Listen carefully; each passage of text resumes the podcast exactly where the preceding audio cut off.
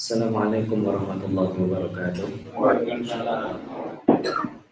Bismillahirrahmanirrahim. Alhamdulillah. Alhamdulillahi haqqa hamdi. Allahumma salli wa sallim wa barik ala sayyidina Muhammadin sallallahu alaihi wasallam wa ala alihi wa ashabihi wa dhurriyyatihi wa ahli baitihi wa ala jami'i man tabi'ahu bi ihsanin ila yaumiddin amma ba'd. Bapak-bapak kaum muslimin dan muslimat di mana pun anda berada bersyukur kepada Allah SWT pagi hari ini. Allah SWT berkenan kembali memberikan peluang kebaikan pada kita. Dan bila ta'ala juga kita mampu dengan ringan melangkah tangga kita menunaikan ibadah wajib sholat subuh kita yang dilakukan dengan berjamaah merupakan kenikmatan berikutnya yang luar biasa.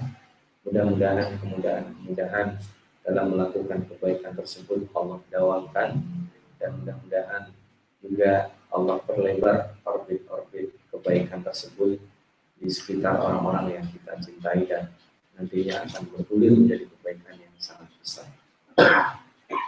Bapak-bapak dan ibu-ibu kaum muslimin dan muslimat rahimahumullah, kembali kita akan melanjutkan alaqah tadabbur kita pada seri yang ke-84 ini. Bahasan kita masih seputar uh, keluarga. Kalau sebelumnya telah membicarakan tentang kasus-kasus dan termasuk konsekuensi-konsekuensi, kemudian uh, tentang uh, anjuran kita di berpegang kepada keinginan Allah Subhanahu wa taala yang lebih menginginkan kebaikan kepada kita sampai kemudian dibahas dari kelebihan sebagian dari kita dan uh, larangan untuk mengangan-angankan apa yang dimiliki oleh orang lain uh, untuk mencegah hal-hal yang tidak diinginkan. Maka kesempatan kali ini lebih spesifik akan dibahas pada skup yang paling terkecil yaitu uh, di tengah keluarga kita. Kemudian nanti juga akan membahas kebaikan-kebaikan yang harusnya kita lakukan setelah kita beres secara internal atau internalisasi itu baru saja dilakukan, apa saja eksternalisasi yang harus kita lakukan. Mulai dari ayat ke-34, Allah Subhanahu wa taala uh, berfirman melanjutkan sebenarnya ini kemarin sudah uh, membicarakan tadi ya selain uh, harta warisan harta-harta yang harus ditunaikan dengan komitmen kemudian untuk memakan harta sesama kita dengan yang batil kemudian ada larangan membunuh orang lain yang disamakan dengan membunuh diri sendiri. Allah SWT pada ayat ini spesifik memulai uh, pilar kepemimpinan di tengah keluarga. A'udzu billahi minasyaitonir rajim.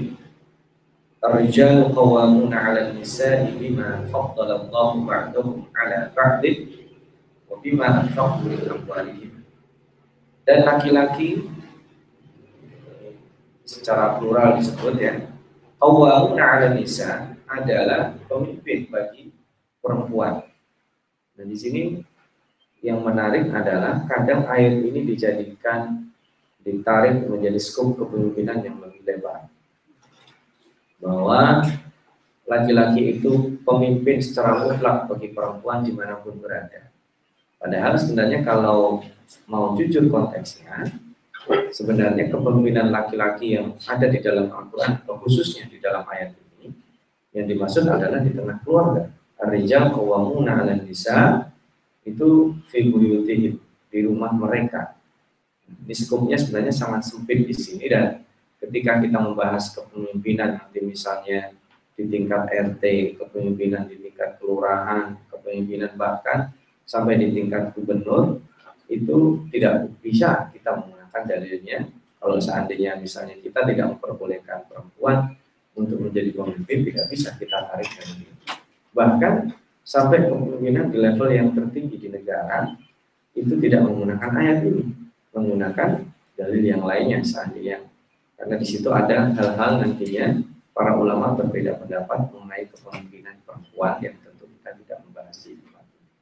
Nah ini saya kembalikan adalah kepemimpinan di tingkat keluarga. Skup yang terdiri dari laki-laki sebagai suami, ayah, perempuan sebagai istri dan ibu, dan nanti ada anak-anak, serta orang-orang yang berada di dalam tanggungan kepala rumah tangga. Yang menarik adalah di sini bahasanya dengan menggunakan jumlah ismiyah. Jadi pernyataan sifatnya. Lelaki-lelaki adalah pemimpin bagi perempuan. Kata kawan ini yang dipakai luar biasa. Ini fi'il uh, isim yang disebut dengan mubalaghah. Kenapa uh, bukan ar-rijalu qaimun misalnya yang uh, berdiri atau mendirikan. Ar-rijalu muqimun yang mendirikan kayak mendirikan kita sholat, memimpin. Dan ini pernah dipakai, bisa dipakai nanti. Kita bisa melihat surat An-Nisa ayat 135 kalau tidak salah di akhir juz 5 dan di awal surat Al-Maidah ya. Ya ayyuhalladzina amanu qawwamina bil qisti. Ya, wahai orang beriman, jadikanlah diri kalian senantiasa menegakkan keadilan. Jadi pemimpin itu maknanya di sini adalah orang yang menegakkan hukum Allah di dalam rumah ini. Dan pemimpin itu meskipun tidak bisa disamakan, tidak bisa pemimpin itu tidak memperhatikan orang yang dipimpinnya. Karena seorang imam sholat saja, kalau dia hanya menikmati, misalnya rakaat pertama sholat subuh baca surat Al-Baqarah, rakaat kedua baca surat Ali Imran, itu nanti akan dicela oleh Rasulullah Wasallam. Pernah dilakukan oleh uh, sahabat uh, kalau tidak salah Mu'ad bin Jabal. Itu afattan anta? Nah, apakah anda ini orang-orang yang ingin menguji yang akan mengakibatkan keburukan bagi orang-orang yang ada di belakang. Jadi sebenarnya kalau seseorang menjadi imam itu sewajarnya dia juga memperhatikan karena di belakang itu ada orang yang sakit, ada orang yang tua. Jadi pemimpin itu tidak bisa langsung strict bahwa saya tidak memperdulikan orang yang dipimpin saya. Yang kedua ada peraturan juga. Pemimpin harus ada dalam track. Kalau misalnya dia salah, makmum juga ada cara untuk menegurnya. Tapi ini sekali lagi ya, permisalan dalam sholat itu tidak bisa dilakukan di dalam rumah tangga. Kenapa? Karena kalau di dalam rumah tangga, kepemimpinan itu, pengambilan keputusannya tetap ada dialog. Jadi jangan dibayangkan seorang lelaki dalam rumah tangga itu sangat otoriter dan memiliki uh, apa kewenangan 100% tidak. Dia sebagai seorang pemimpin harus memberikan space bagi istrinya, bagi anaknya untuk uh, bermusyawarah. Ini Makanya sebagai ganjarannya di situ, dia juga menanggung resiko. Pemimpin itu sebagai orang yang tertinggi. Makanya nanti di dalam istilahnya, seorang lelaki di tengah rumah tangganya itu disebut dengan sohibu iyalin. Jadi iyal itu dia dibutuhkan oleh seluruh anggota keluarga. Bukan hanya dari sisi nafkahnya, tapi dari sisi tanggung jawabnya. Kalau ada apa-apa, atau punya apa-apa, atau memiliki apa-apa, dia yang menyampaikan dengan forum dan cara yang sudah sepakati oleh anggota keluarga. Ya banyak hal mau pindah rumah, mau punya apa, itu pemimpin dengan cara bijak dia bisa mengakomodasi dan bisa menyalurkan ide-ide yang ada di dalam rumah tangga. Nah, ini artinya cukup panjang sebenarnya membaca kawamin ya. Nanti mudah-mudahan keterangan saya tersebut tidak produksi keluasan dan e, luar biasanya ayat ini.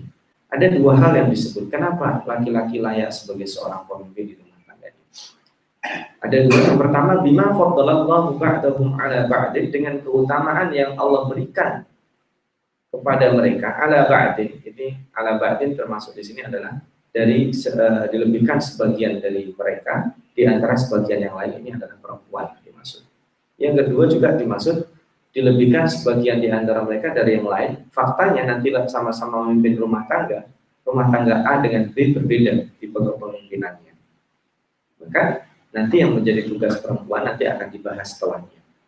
Jadi seorang lelaki di tengah rumah tangganya dia punya kelebihan, kelebihan fisiknya, kelebihan cara berpikir rasionalnya, kelebihan uh, karena dia memiliki eh, rata-rata uh, laki-laki memiliki pola berpikir global yang cukup besar, sementara nanti akan dibantu oleh istrinya yang berpikir sangat detail, itu adalah gabungan kepemimpinan kolektif sebenarnya. Kepemimpinan kolektif tetap harus kepemimpinan pengambil keputusan final. Ya kan kalau ibu-ibu kan pasti sangat detail aja. Sama-sama mau punya uh, perbaiki rumah nanti ibu-ibu mikirin ini horde horde ini warnanya cocoknya apa apa itu pak laki-laki mungkin tidak bukan tidak sempat dia tidak memikirkan hal yang detail-detail seperti itu. Nanti ini pojok-pojoknya seperti apa biasanya seperti apa. Itu biasanya yang lebih care lebih enggak adalah perempuan detil-detilnya anaknya saja nanti dalam sekolah juga faktanya yang paling detil itu adalah ibunya. Sementara bapaknya berpikir eh, lebih besar dari itu dan itu harus dua-duanya berkomunikasi. Nah ini yang pertama kelebihan yang Allah eh, bukan samarkan ya Allah umumkan bima faddalallah yang Allah lebihkan kelebihannya di sini tidak dibahas, tapi para mufassirin ada yang mengatakan uh, kelebihan akal. Makanya nanti ada sebuah hadis yang mengatakan perempuan itu akalnya berkurang. Tetapi sebentar, akalnya berkurang ini itu bukan uh, bentuk penghinaan atau bentuk diskriminasi dalam pernyataan hadis tersebut. Nakisbun nakisatu uh, nakisatu aklin wadinin itu kan ada dalam sebuah hadis ya bahwa e, perempuan itu e, kurang akalnya dan kurang agamanya. Kenapa? Faktanya ketika dalam satu bulan itu selalu ada liburnya perempuan tidak sholat, perempuan tidak membaca Al-Quran, tetapi nanti itu bisa mereka bisa mengejar kelebihan itu dengan taat pada suaminya. Karena itu juga adalah sebuah jihad ya. Maka yang diperlukan seorang perempuan adalah ketaatan, yang diperlukan seorang laki-laki adalah kepemimpinan yang baik. Nanti ada konsekuensinya. Nah yang kedua, dikatakan nabi satu aklin itu dalam persaksian. Persaksian perempuan itu seringnya dalam beberapa kasus yang disebut dalam Al-Quran atau hukum Islam itu setengahnya persaksian laki-laki. Jadi nanti ada misalnya dibutuhkan saksi dua orang laki-laki nah, dalam surat yang pernah kita bahas ya ayat utang piutang ya. Kalau tidak ada laki-laki dua, apa yang bisa dilakukan? yaitu satu orang laki-laki dan dua orang perempuan. Meskipun ini pun nantinya oleh Ibnu Qayyim al-Jauziyah tidak sependapat dengan pendapat gurunya Ibnu Taimiyah, juga ulama-ulama yang lainnya ada debatable di luar lingkup mana saja yang uh, perempuan itu persaksiannya itu setengahnya laki-laki. Nah ini nanti masuk ke ranah berikutnya wabima anfaqu min amwalihim yaitu dengan yang mereka nafkahkan min amwalihim. Detail sekali Al-Quran. Kenapa tidak dikatakan wabima anfaku amwalahu? Karena istri dan keluarga itu hanya sebagian dari uh, harta suami yang diberikan. Dia tidak wajib memberikan semua hartanya dan memang harusnya tidak demikian. Karena sebagian hartanya harus dia berikan untuk zakat misalnya. Sebagian hartanya dia berikan orang tuanya jika masih hidup. Sebagian hartanya dia berikan tetangganya, nanti akan ada di bawah itu. Tetangga yang jauh, tetangga yang dekat. Jadi sebenarnya nanti kepemimpinan di dalam rumah tangga itu adalah manajemen keuangan yang rapi. Dan manajemen keuangan yang rapi itu kebijakan strategisnya ada di laki-laki, kebijakan semi strategis dan kebijakan teknis bisa dibantu oleh istri dan anak-anak. Ini luar biasa. Jadi dari sisi kebijakan ekonomi dibahas, dan ini Allah secara, secara eksplisit dikatakan bima anfaku min amwalihim. Jadi sebagian dari yang dipunyai laki-laki itu dia wajib menafkahi istri dan anak-anaknya. Sekali lagi hukumnya wajib menafkahi. Nah, in case misalnya saya sebagai laki-laki lemah, kewajiban saya berusaha. Nanti cukup nggak cukup itu belakangan. Tetapi bahwa seorang laki-laki tidak boleh di rumah kemudian Nah, tapi istri saya kan kerja, ini lanjutkan. Istri bekerja itu dia tidak wajib. Apalagi kemudian dia menjadi penopang ekonomi. Dia sifatnya kalau memberi adalah sodakoh. Maka in misalnya laki-laki wajib membayar mahar dari mahar yang besar, kemudian istrinya merelakan dan setengahnya buat abang saja. Itu tidak ada paksaan dan tidak boleh laki-laki memintanya. Kalaupun diberi, terima saja, tetapi itu sekali lagi adalah kebaikan dari, istri. Nah ini timbal baliknya. Istri dia seandainya istri dari awal sampai akhir hidupnya di rumah saja tidak menghasilkan apa-apa, dia hanya diberi nafkah suaminya, itu sudah lebih dari cukup. Karena nanti kewajiban yang ada, dia mengasuh anaknya, dia bahkan menyusui anaknya yang itu juga sebenarnya adalah kewajiban suaminya. Jadi istri menyusui anaknya itu bagian dari kasih sayangnya, tapi sebenarnya yang diperhatikan adalah suaminya. Bahkan nanti dalam proses perceraian pun, seandainya terjadi perceraian antara suami istri yang punya anak balita, maka itu yang menyusui itu tidak harus ibu kandungnya. Kalau ibu kandungnya dia tidak bisa menyusui, maka suami harus mencari orang lain yang menyusui. Atau kalaupun dia mantan istri yang menyusui, dia harus harus basa-basi menanyakan ini biayanya seperti apa. Dan ini luar biasanya karena konsekuensi kepemimpinan yang cukup besar, Allah Subhanahu wa taala di sini sebutkan dua faktor utamanya, yaitu kesempurnaan menuju kesempurnaan sebagian dari yang lainnya, kelebihan dan uh, yang Allah berikan dari sebagai penopang ekonomi di tengah rumah tangga. Sekali lagi, ini tidak berlaku semuanya, tetapi pada faktanya kelebihan akal, uh, rasional, dan kelebihan keagamaan itu faktanya ulama-ulama laki-laki itu lebih banyak dari ulama-ulama perempuan. Kepakaran-kepakaran laki-laki lebih banyak dari kepakaran perempuan. Bahkan dalam urusan perempuan sekalipun mohon maaf kalau itu dimasukkan para desainer-desainer baju-baju perempuan mana lebih banyak laki-laki atau itu untuk urusan perempuan oke nanti dalam urusan-urusan perempuan lebih banyak eh, laki-laki karena memang uh, perempuan tidak untuk bersaing dengan laki-laki perempuan dan laki-laki adalah makhluk yang saling melengkapi nah Lalu apa yang dilakukan seorang perempuan? Apakah dia tidak boleh berprestasi? Oh tentu. Prestasi utamanya apa? Dibahas di dalam uh, potongan berikut. Fasalihatu qanitatun hafizatun lil ghaib bima hafizallah. Ada dua penekanan di sini. Maka perempuan-perempuan yang soleh, di sini perempuan solehah yang menjadi istri maksudnya adalah orang-orang yang qanitat, orang yang taat, hafizatun lil ghaib yang bisa menjaga uh, dalam kondisi ketika suami tidak ada. Uh, ini artinya memang uh, ada bima hafidullah. Ini lebih kepada muraqabatullah. Jadi ada hadis lain yang menjelaskan kullukum ra'in wa kullukum mas'ulun an ra'iyati. Setiap kalian pemimpin itu laki-laki. Nanti ada ditambah lagi bahwa perempuan itu juga pemimpin ketika laki-laki nggak ada di rumah. Kan berarti luar biasa di sini. Berarti dia memfungsikan ketika laki-laki tidak ada di rumah, perempuan itu pemimpin di rumah itu untuk kebijakan-kebijakan yang memang dia bisa mengambil pada waktu itu tidak menunggu suaminya. Kan ada kan tidak mungkin semuanya harus tergantung suaminya. Ya. Misalnya lampunya mati, ini ganti lampu atau tidak, itu tidak perlu lah misalnya telepon suaminya. Itu kebijakan-kebijakan yang sangat teknis. Bayar listrik misalnya, dan sebagainya. Dan itu pun seharusnya juga rumah diciptakan sistem.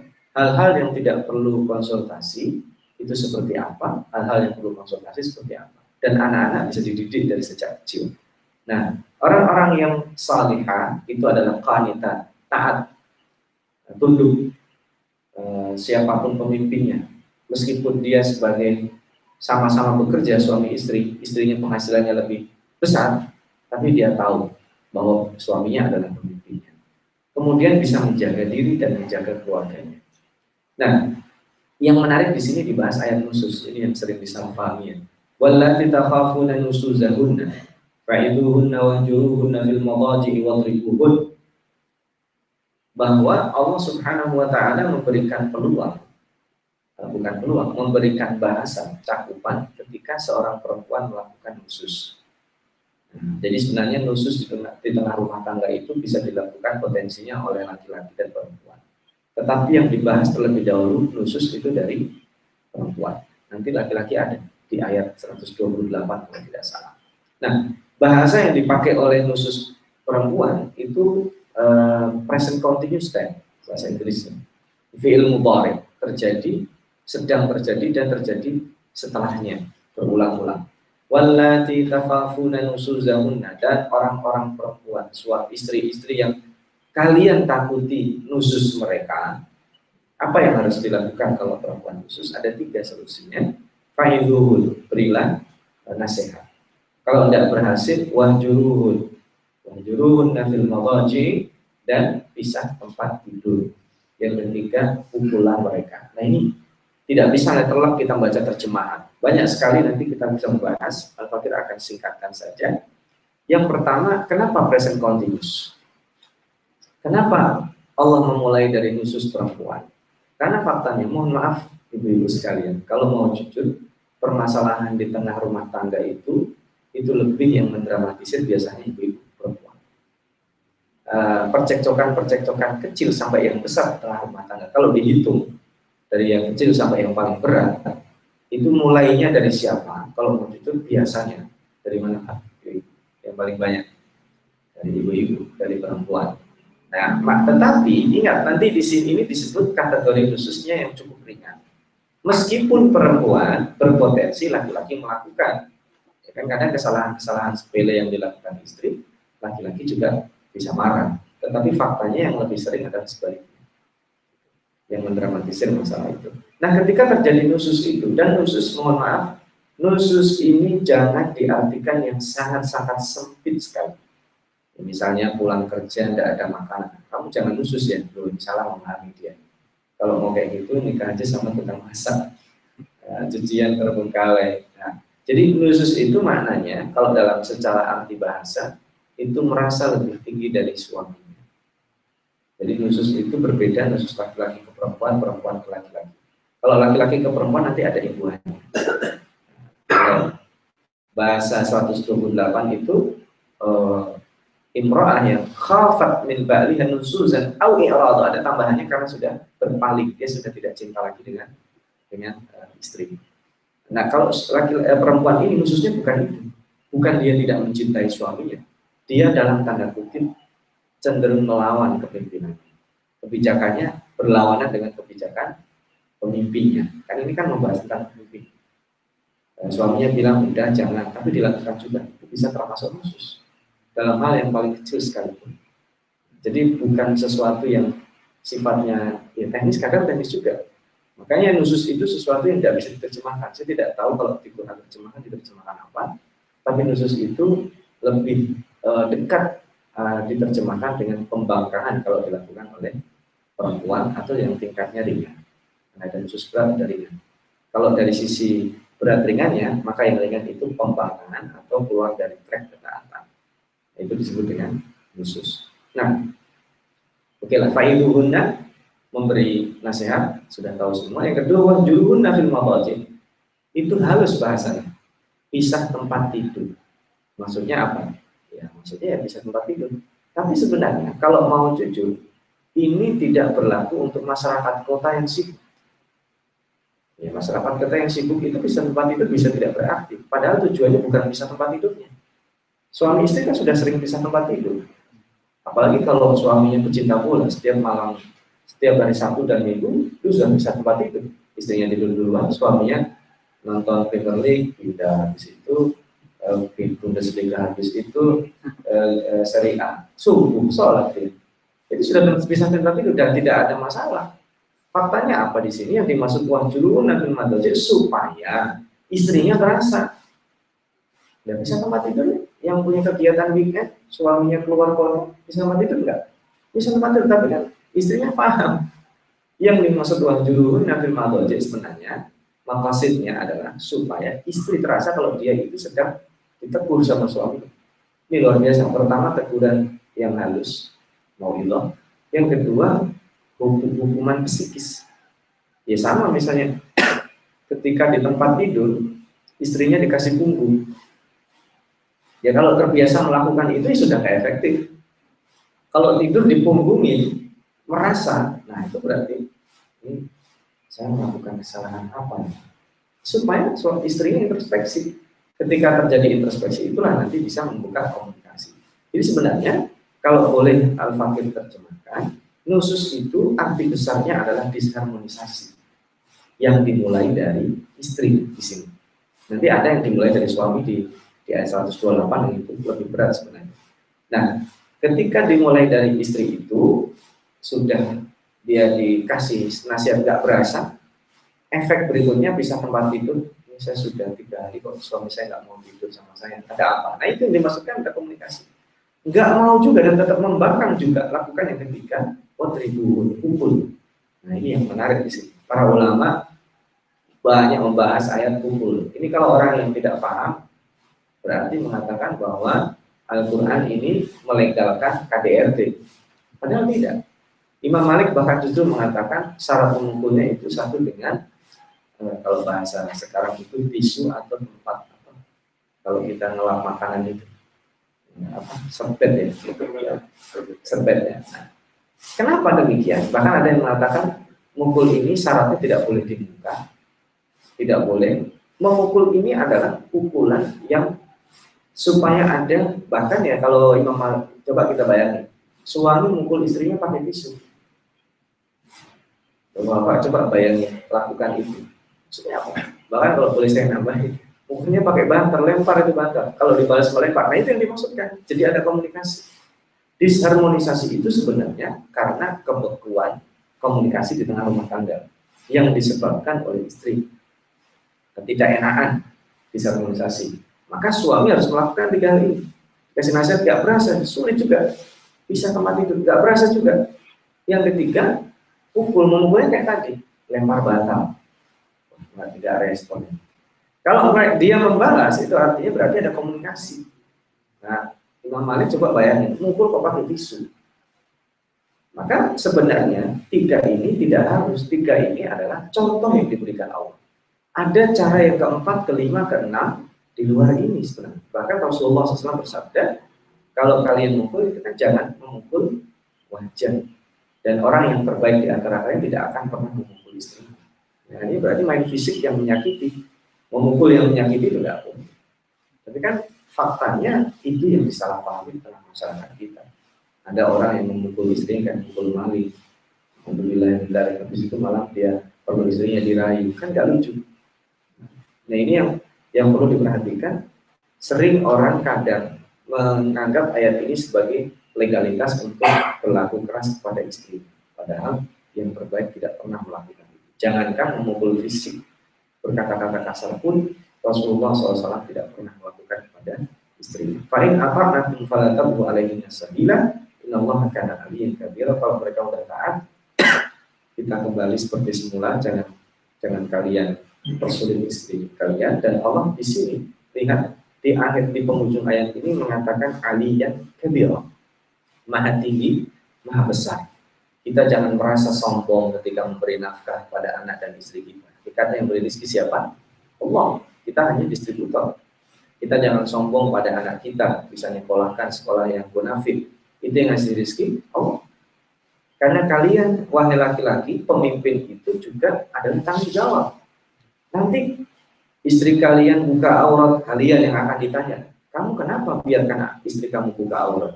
Anaknya sudah masuk balik ya yang perempuan buka aurat ditanya dia.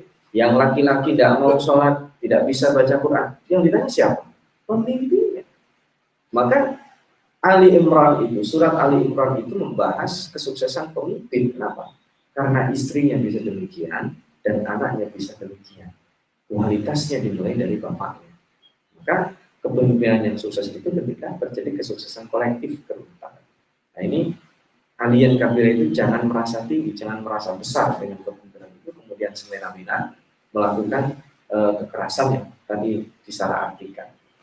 Nah, kalau yang terjadi misalnya, khusus ini membesar,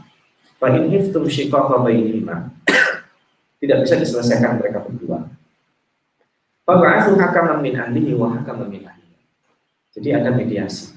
Mediator dari pihak istri, keluarga, mediator dari pihak uh, suami. mereka uh, berunding dan ini dilakukan secara tertutup yang tahu mereka saja, tidak perlu panggil infotainment.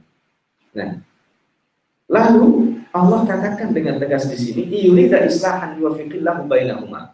Kalau mereka menginginkan kebaikan, Allah akan beri taufik untuk berislah dan kembali. Inna Allah kana aliman khabira. Allah maha tahu dan maha Eh, mengetahui yang lebih detail dari itu. Ini Bapak dan Ibu sekalian rahimahullah, menarik adalah tidak dibuka peluang Kalau di ayat 128 ketika nusus itu dari suami yang tingkatnya mungkin lebih berat, itu kalau mau damai bisa. Rasulullah bisa nanti dikatakan. Kemudian nanti kalau sampai ayatnya kita akan ulang lagi. Tetapi Allah memberi peluang. Wa. Kalau mereka memilih jalan untuk bercerai, berpisah, Allah akan kayakan mereka masing-masing, suami ataupun istri.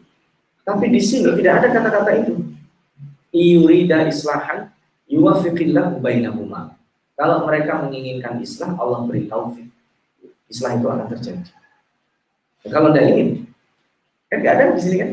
Kalau mereka kemudian mengambil jalan cerai, itu jangan terjadi. Meskipun ibu-ibu sering ngomel, ibu-ibu sering marah, sering ngambek, dan itu lebih sering daripada sebaliknya, biasanya berakhir happy ending. Seberat-berat masalah, e, kalau nusus itu mulai dari perempuan, karena nanti ada nusus yang berat ya. Tapi yang umumnya dilakukan oleh perempuan itu biasanya dari islahan yufiqillah Kalau memang kita punya komitmen ingin Islam, biasanya selesai di Islam. Di sini nggak dibuka peluang. Kalau tidak, bisa gimana? Ya meskipun ada nanti yang berujung pada perceraian, tapi kecil. Berbeda khusus yang khusus berat. Khusus berat itu sudah ada tambahannya. Berpaling bahasa anak muda berpindah ke lain hati. Nah, sudah ada pihak ketiga kalau nusus yang berat itu. Ini nususnya adalah ketika terjadi antara murni suami dan istri, tidak melibatkan pihak lain. Itu biasanya peluang untuk untuk e, menyatu lagi atau islah itu cukup besar. Nah, sampai di sini ditutup pembahasan. Lalu yang tadi apa kita katakan eksternalisasi. Ini jika internalisasi sudah berhasil, maka eksternalisasinya adalah dimulai wa'budullaha wa la tusyriku bihi syai'an. Nanti urusan rumah tangga itu jangan mengesampingkan proses yang lebih berat, besar. Apa itu? Kalian sebagai pemimpin di tengah rumah tangga harus membawa semua semua anggota keluarga beribadah kepada Allah, diperintah oleh Allah ya. Wala tusyriku bihi. Ini yang dalam doa Nabi Ibrahim sering kita baca, eh, sering kita baca dalam Al-Quran, Rabbi ja'alha dal balada amin. Jadikanlah negeri ini negeri yang aman. Kita tidak melanjutkan negeri yang aman, perspektif aman atau security awareness menurut Nabi Ibrahim itu adalah lanjutannya. Wajibni wabani anak budal asma. Kalau ayat Ibrahim ayat 35 ya, kita baca ya. Rabbi dan balada amina wajibni wabani anak budal asnam. Jauhkanlah aku dan anakku dari menyembah berhala. Itu di situ. Jadi perspektif keamanan nomor satu, betul rumah kita nggak ada yang nyuri, nggak ada yang merampok, nggak ada kebakaran, nggak ada chaos, nggak ada krisis ekonomi. Tapi keamanan tertinggi itu adalah ketika rumah tidak dimasuki unsur syirik. Kalau kita nyekolahkan anak, ya Allah jadikan anakku sekolahnya sekolah yang aman. Aman apa? Akidah. Tempat kerjaku tempat kerja yang aman. Bagaimana? Pulang bawa rezeki yang halal yang berkah rumahku aku tinggalnya Allah dari pagi sampai sore jadikan rumah yang aman betul seperti yang tadi saya sebut tidak ada perampokan tidak ada pencurian tidak ada kebakaran tapi nomor satu adalah aman akidah orang-orang yang ada di dalam jadi waktu Allah harus saya itu nggak mati nomor dua wabil walidaini ihsana makanya tadi dikatakan bima anfaku min amwalihim orang-orang yang sudah sukses anaknya masih punya orang tua Sekalipun orang tua itu kaya, berikanlah sebagian rezeki kalian kepada mereka. Karena orang tua yang kaya itu sebenarnya, ya mereka nggak butuh uh, apa uang dari anaknya. Tapi kalau diberi, diterima apa ya? Diterima kan? Dan diterima itu bukan dinilai nominalnya, tetapi adalah bahwa anaknya berbuat ihsan pada bapaknya. Mungkin sekedar dikirim sarung, silaturahim ke rumah orang tuanya membawa satu kilo mangga, ya, satu sisir pisang dengan senyuman, dia cium tangannya, minta keridoannya, berpamitan mau pergi. Terjadi kan bukan orang, orang tuanya nitip anaknya, ya, itu malah lebih berat kan. Mohon maaf, itu meskipun kadang fakir lakukan juga. Tapi kak, kalau itu yang terlalu sering kan jadi trauma jadinya orang tua. Ya, ke sini lagi. Mau di mana aja pasti ini. Kan harusnya kita ke situ tidak ada apa-apa. Mau ada apa? Saya kangen sama orang tua. Minta dulu banyak kerjaan. Takutnya saya uh, apa ada hak orang tua yang belum ditunaikan. Cium tangannya. Meskipun hanya simboliknya hanya satu kilo mangga satu sisir atau satu tanda atau apalah jenisnya. Atau kadang mungkin kita bagi ada bentuknya uang. Bukan sekali lagi di nominalnya tetapi apa? Wabil ini bisa. Apalagi setelah mereka tidak ada. Dan orang tua itu merasa berharga berharga kita kalau sudah tidak ada. Biasanya. Nah yang menarik yang kedua disebut setelah orang tua Zawil kurba seperti ini. Kerabat ya. Jadi min amwalihim tadi itu kerabat yang membutuhkan. Maka zakat yang baik itu eh, orang-orang uh, yang dekat ya. Dekat kita masih berkeluarga, kita beri zakat kita. Wal orang yatim ya, ini terusnya. Orang-orang miskin dan ini ada lagi wal jaridil kurba wal jaridil junubi tetangga. Tetangga yang dekat Makanya sebenarnya pernah dalam hadisnya, apakah mungkin nanti bisa di, dicek lagi, di validasi. Uh, ketika Jibril datang memberikan wasiat tentang tetangga, Nabi Muhammad SAW itu pernah mengatakan, saya pernah menebak jangan-jangan ini mau ada tetangga dapat harta warisan dari dari seseorang mukmin. Jadi saking uh, perintah untuk uh, berbuat baik pada tetangga, maka yu'minu billahi wal yaumil akhir apa yukrim jauh dia muliakan tetangganya karena tetangga itu adalah yang paling dekat dengan kita. Saudara-saudara kita jauh yang kita mintai tolong pertama adalah tetangga. Dan nanti keburukan kepada tetangga atau keburukan yang lebih berat lagi. Mohon maaf sekali lagi. Sama-sama berbuat zina. Perbuatan zina yang membuat Allah sangat-sangat benci dan murka itu dua orang tua berzina. Atau ibu zani ya, orang tua yang saat ini masih zina itu dibenci sama Allah. Yang kedua, berzina dengan istri tetangga. Ya, harusnya dia melindungi, malah berzina berarti itu berkhianat. Nah, dua itu lebih maka tingkat baikannya lebih baik, keburukannya juga lebih buruk. Baru setelah itu wajah junub, tetangga yang jauh. Para ulama di sini memaknai jauh dua, jauh fisiknya. Nanti ada sampai teori yang disebut tetangga itu apa sih? ada yang mengatakan sampai 40 rumah. Susah juga kita. Kalau eh, di, di Jakarta ini kan 40 rumah gampang. Nah, kalau di Kalimantan 40 rumah berapa radiusnya itu. Jadi maknanya tetangga. Maka ada nanti penafsiran kedua yang dikatakan jauh, ada yang kedua, jauh dari sisi jauh dia tidak kita kenal sama sekali, ya tetangga dekat itu fisiknya kerabat dan fisiknya ada di samping rumah kita. Tetangga jauh dia samping tetangga saya, tapi ini nah samping saya ini ternyata rumah kontrakan yang setiap setahun atau dua tahun sekali ganti. Nah itu kan disebut dengan wajah dan juga bisa juga ditafsirkan seperti itu. Ada ulama yang mengartikan jauh itu jauh fisik, artinya tidak di depan saya. Kan kadang begini kita bagi oleh-oleh, kan bagi kalau kita masak disuruh banyakin kuahnya itu yang paling berhak mendapatkan dulu tetangga yang samping kanan samping kiri jangan sampai samping kanan samping kiri nggak dibagi yang soal duluan dikasih gitu. nah ini uh, kita disuruh berbuat baik kemudian ada wabili sabil wala malakat imanukum uh, sudah uh, diketahui ya saya apa lompat saja yang bisa bekal di jalan Inna Allah ala yuhibbu man kana mukhtalan Allah tidak mencintai tidak menyukai orang-orang yang sombong dan membanggakan ini konteksnya sekali lagi kepemimpinan. Ketika kita memimpin jangan sombong. Hakikatnya kita diberikan amanah, dimintai pertanggungjawaban. Gak ringan. Istrinya tidak sholat, istrinya banyak melakukan maksiat, anaknya melakukan suami yang ditanya oleh Allah. Makanya kepemimpinan seorang eh, laki-laki di tengah rumah tangganya bukan order, tetapi keteladanan. Bukan pemaksaan, tetapi ada dialog bukan uh, doktrin saja, tetapi di situ akan menjelaskan. Maka dia harus mengajar istrinya. Kalau istrinya ternyata dia sibuk, harus diberikan fasilitas supaya istrinya itu grade pemahaman keagamannya naik. Dengan apa? Ya mungkin diajak kegiatan-kegiatan yang memahamkan, atau kalau perlu diundang itu privat, ya.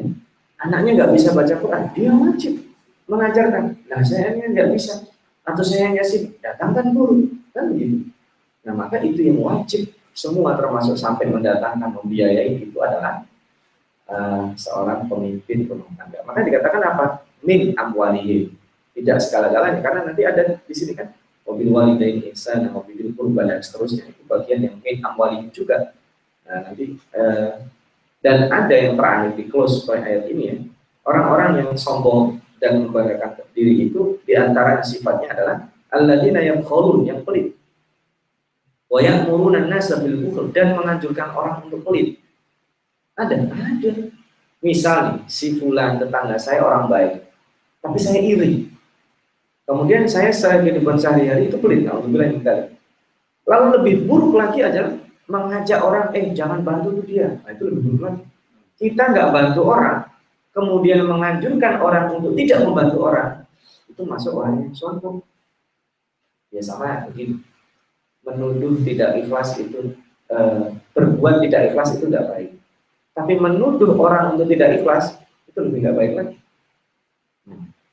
Bakhil tidak baik, tetapi menuduh orang e, mengajak orang untuk berbuat bakhil itu termasuk di ayat yang di sini Allah ala ini bukan dan alhamdulillah nanti bisa lebih buruk lagi wa nama atahumullah min fadli dan menyembunyikan kekayaan karunia yang Allah berikan kepadanya secara fisik kan ada orang yang takut dianggap kaya maka nanti ada di dalam surat Al-Qalaq kalau tidak salah para pemilik kebun yang akan panen dia bilang kita manennya pagi-pagi aja supaya orang-orang miskin tidak ketahuan.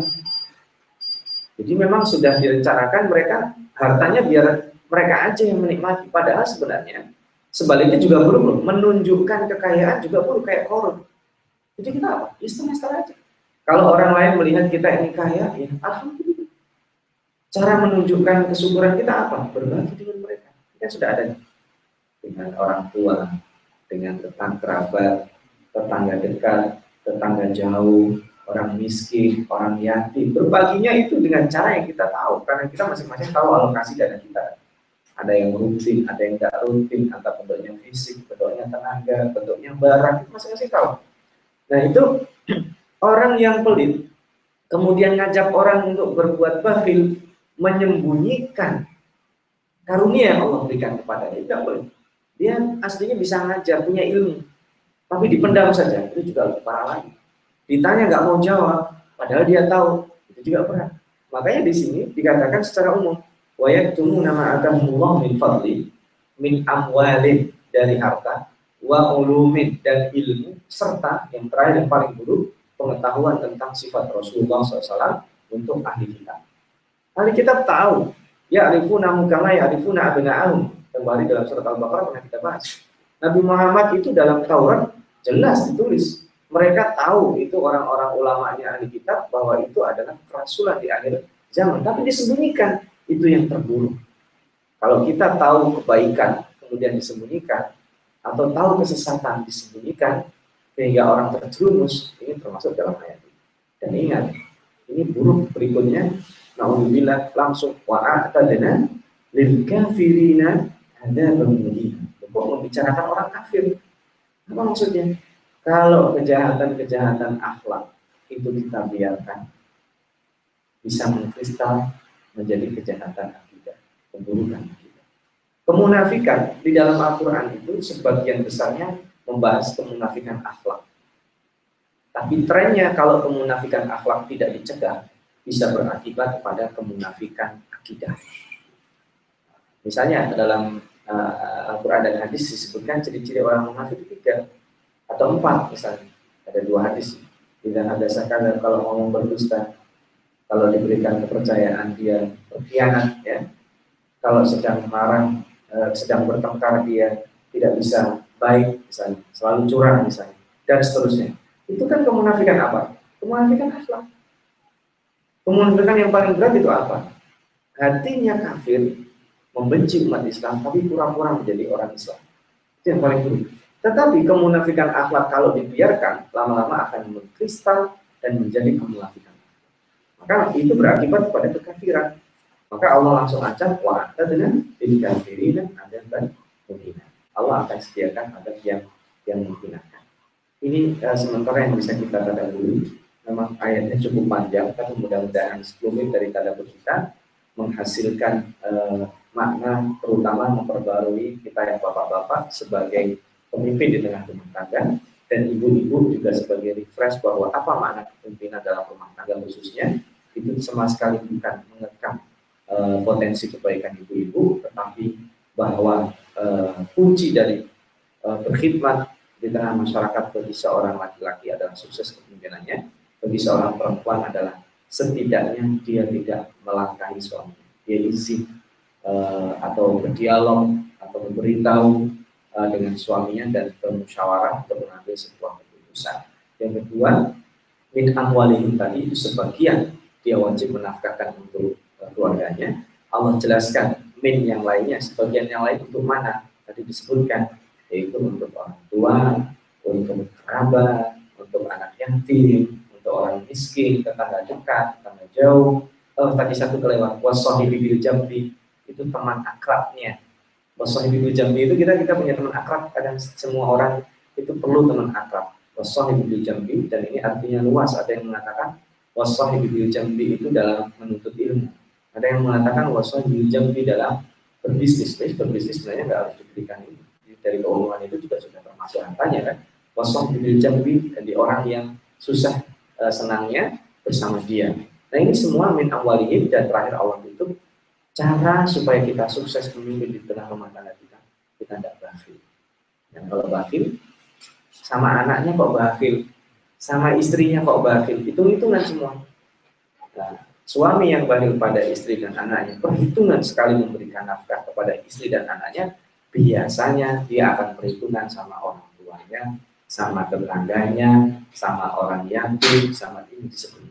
Kalau dia sudah full, full dalam artian bukan semuanya, tidak uh, dia ikhlas dan tidak bahagia memberikan pada anak dan istrinya sebagai pemimpin konsekuensinya mengayomi mereka karena pemimpin bukan uh, mengambil keputusan saja dia bertanggung jawab atas nafkah maka biasanya yang kedua sukses tadi dan yang lainnya akan akan sukses itu uh, wallahu a'lam bishawab mudah-mudahan uh, bapak dan ibu sekalian yang saya tanda ini bisa uh, kembali memperbaiki makna kepemimpinan di rumah tangga dan Eh, peluang-peluang untuk mengikis kebatilan dalam diri kita dan orang-orang sekitar kita semakin besar.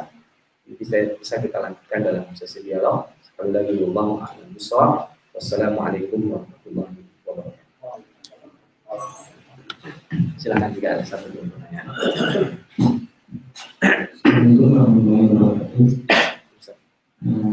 Nah, sampai sejauh mana kita untuk istri kalau istri tidak tahu suatu wajib tapi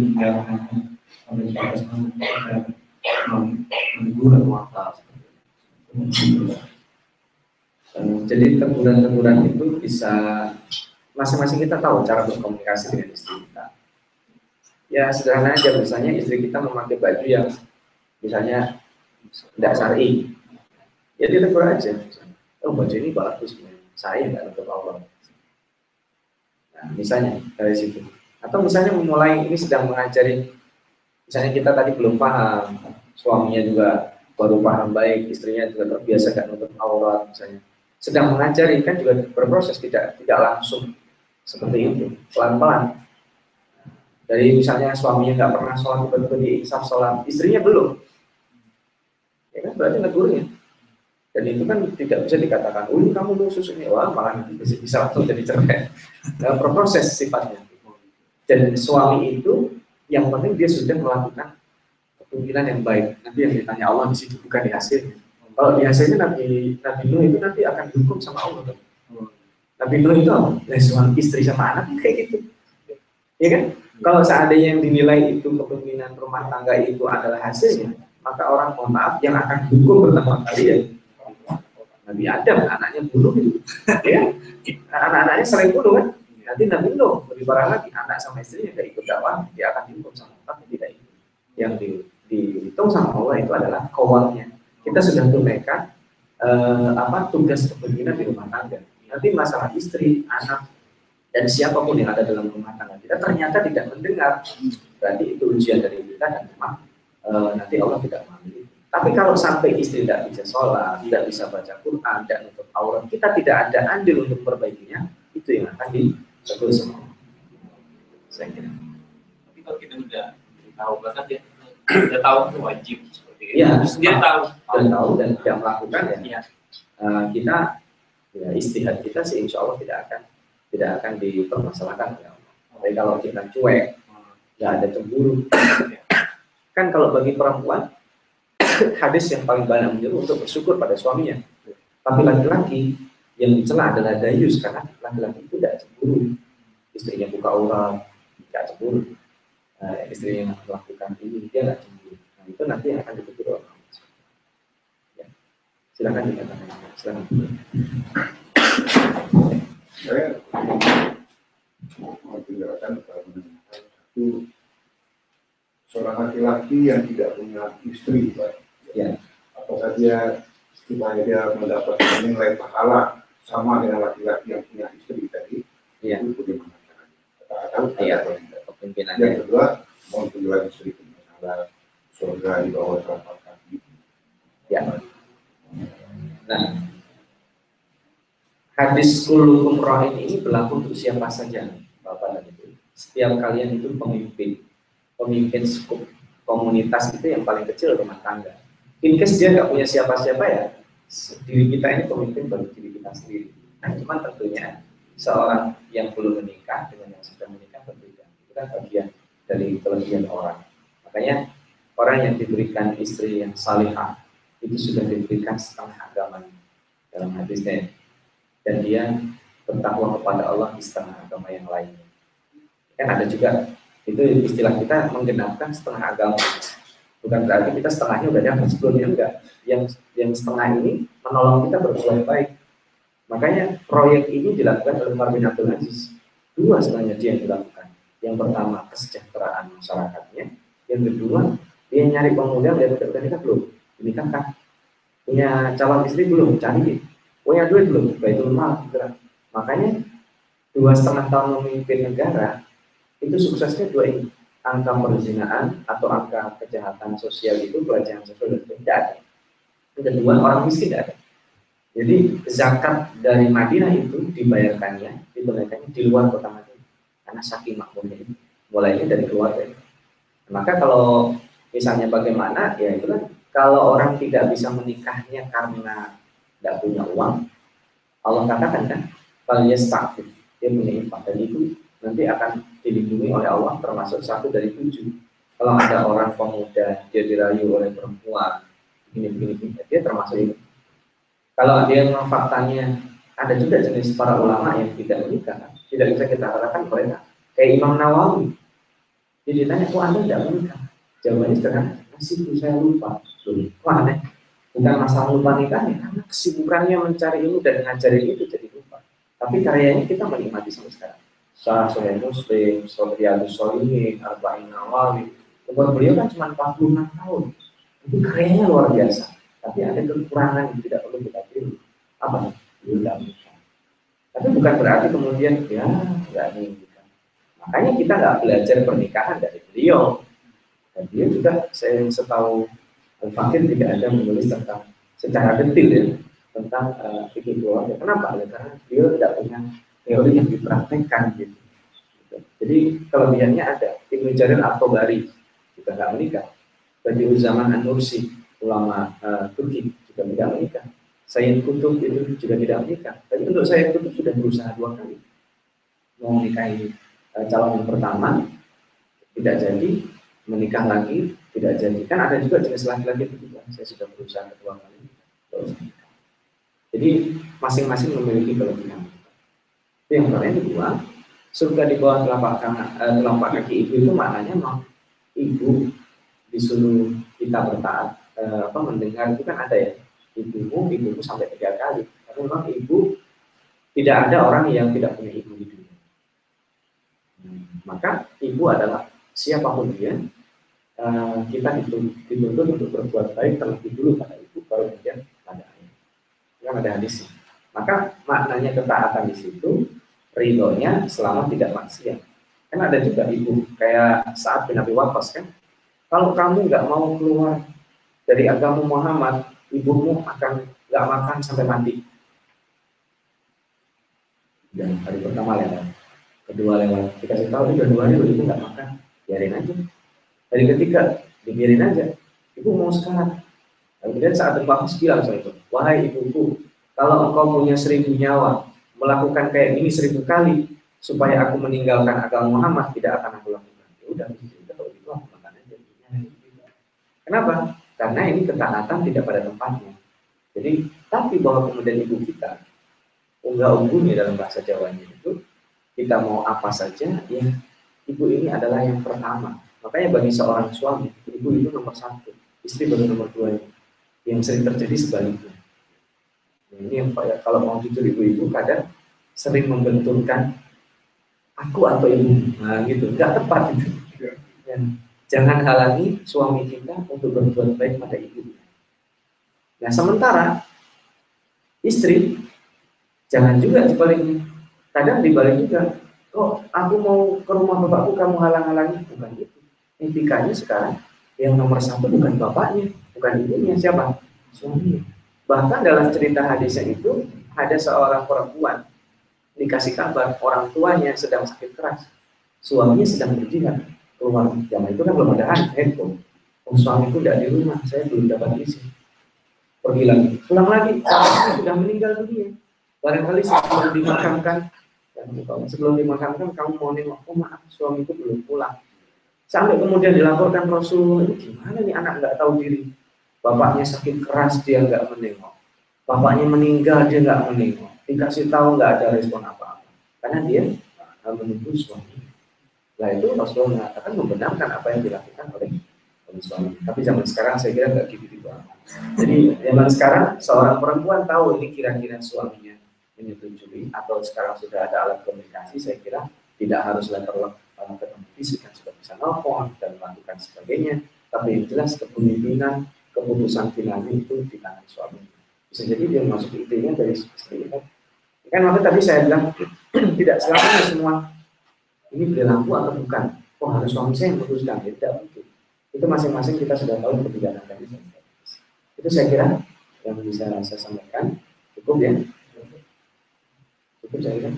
Ibu itu ada? Cukup ya baik kalau sudah cukup kita akan sambung pada pertemuan berikutnya di kita akhiri dengan doa pertemuan Subhanakallah bihamdik asyhadu an la ilaha illa anta astaghfiruka wa atubu ilaik. Wassalamualaikum warahmatullahi wabarakatuh.